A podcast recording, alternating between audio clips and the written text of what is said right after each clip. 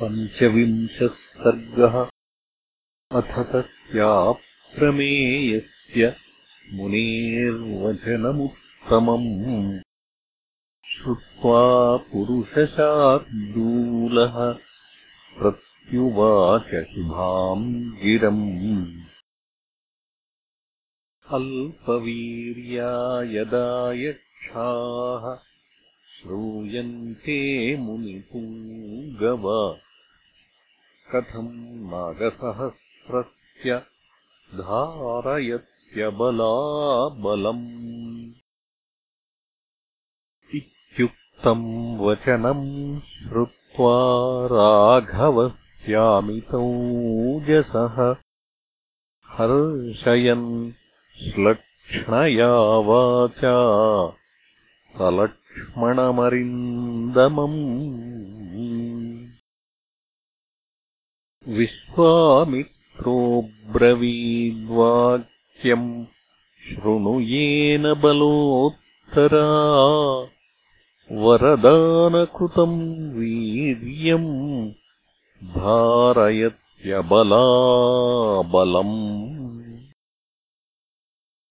पूर्वमासीन्महायक्षः सुकेतुर्नाम वीर्यवान् अनपत्यः शुभाचारः स च तेपे महत्तपः। पितामहस्तु सुप्रीतः तस्य यक्षपतेस्तदा कन्यारत्नम् ददौ राम ताटकाम् नाम नामतः ददौ नागसहस्रस्य बलम् चास्याः पितामहः।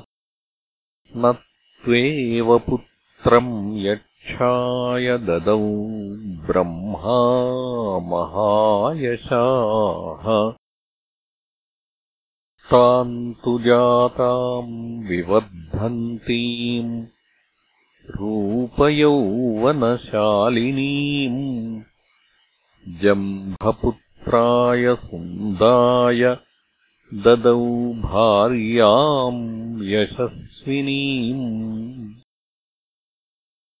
कस्यचित्त्वथकालस्य यक्षी पुत्रमजायत मारीचम् नाम दुर्धर्षम् यश्चापाद्राट् भवतु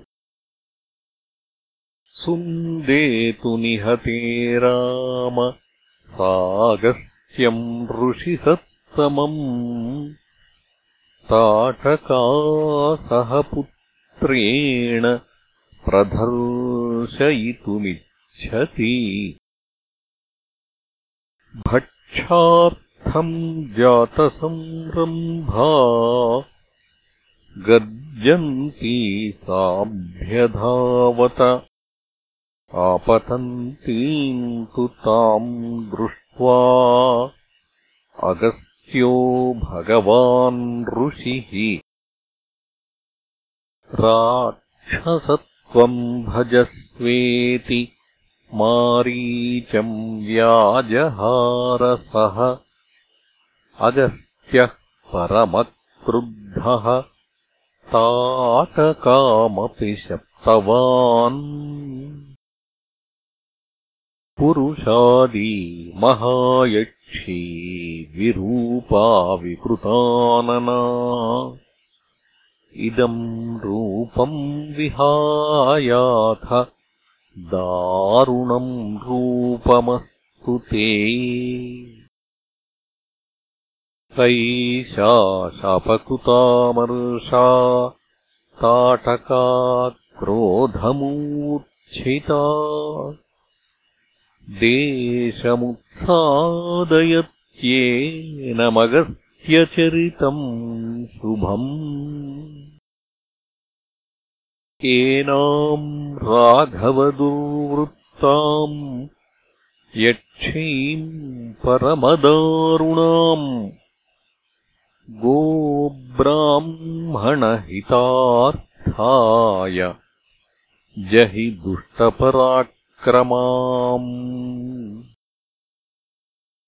न ह्येनाम् शापसंस्पृष्टाम् कश्चिदुत्सहते पुमान्। निहन्तुम् त्रिषु लोकेषु त्वाम् ऋते रघुनन्दन। न हि ते स्त्रीवधकृते घृणाकार्या नरोत्तम चातुर्वर्ण्यहितार्थाय कर्तव्यम् राजसूनुना। नृशंसमनृशंसम् वा प्रजारक्षणकारणात् पातकम् वा सदोषम् वा कर्तव्यम् रक्षता सता। राज्यभारनियुक्तानामेष धर्मः सनातनः अधर्म्याम् जहि काकुत्थ धर्मो ह्यस्या न विद्यते श्रूयते हि पुरा शक्रो विरोचनसुताम् नृप। पृथिवीम् हन्तुमिच्छन्तीम् मन्थरामभ्यसूदयतु विष्णुनापि पुरा राम भृगुपत्नी दृढव्रता। अनिन्द्रम् लोकमिच्छन्ती। काव्यमाता निषूदिता एतैश्चान्यैश्च बहुभिः राजपुत्रमहात्मभिः अधर्मसहिता नार्यो हताः पुरुषसत्तमैः तस्मादेनाम् घृणाम् त्यक्त्वा जहिमच्छासनान् नृप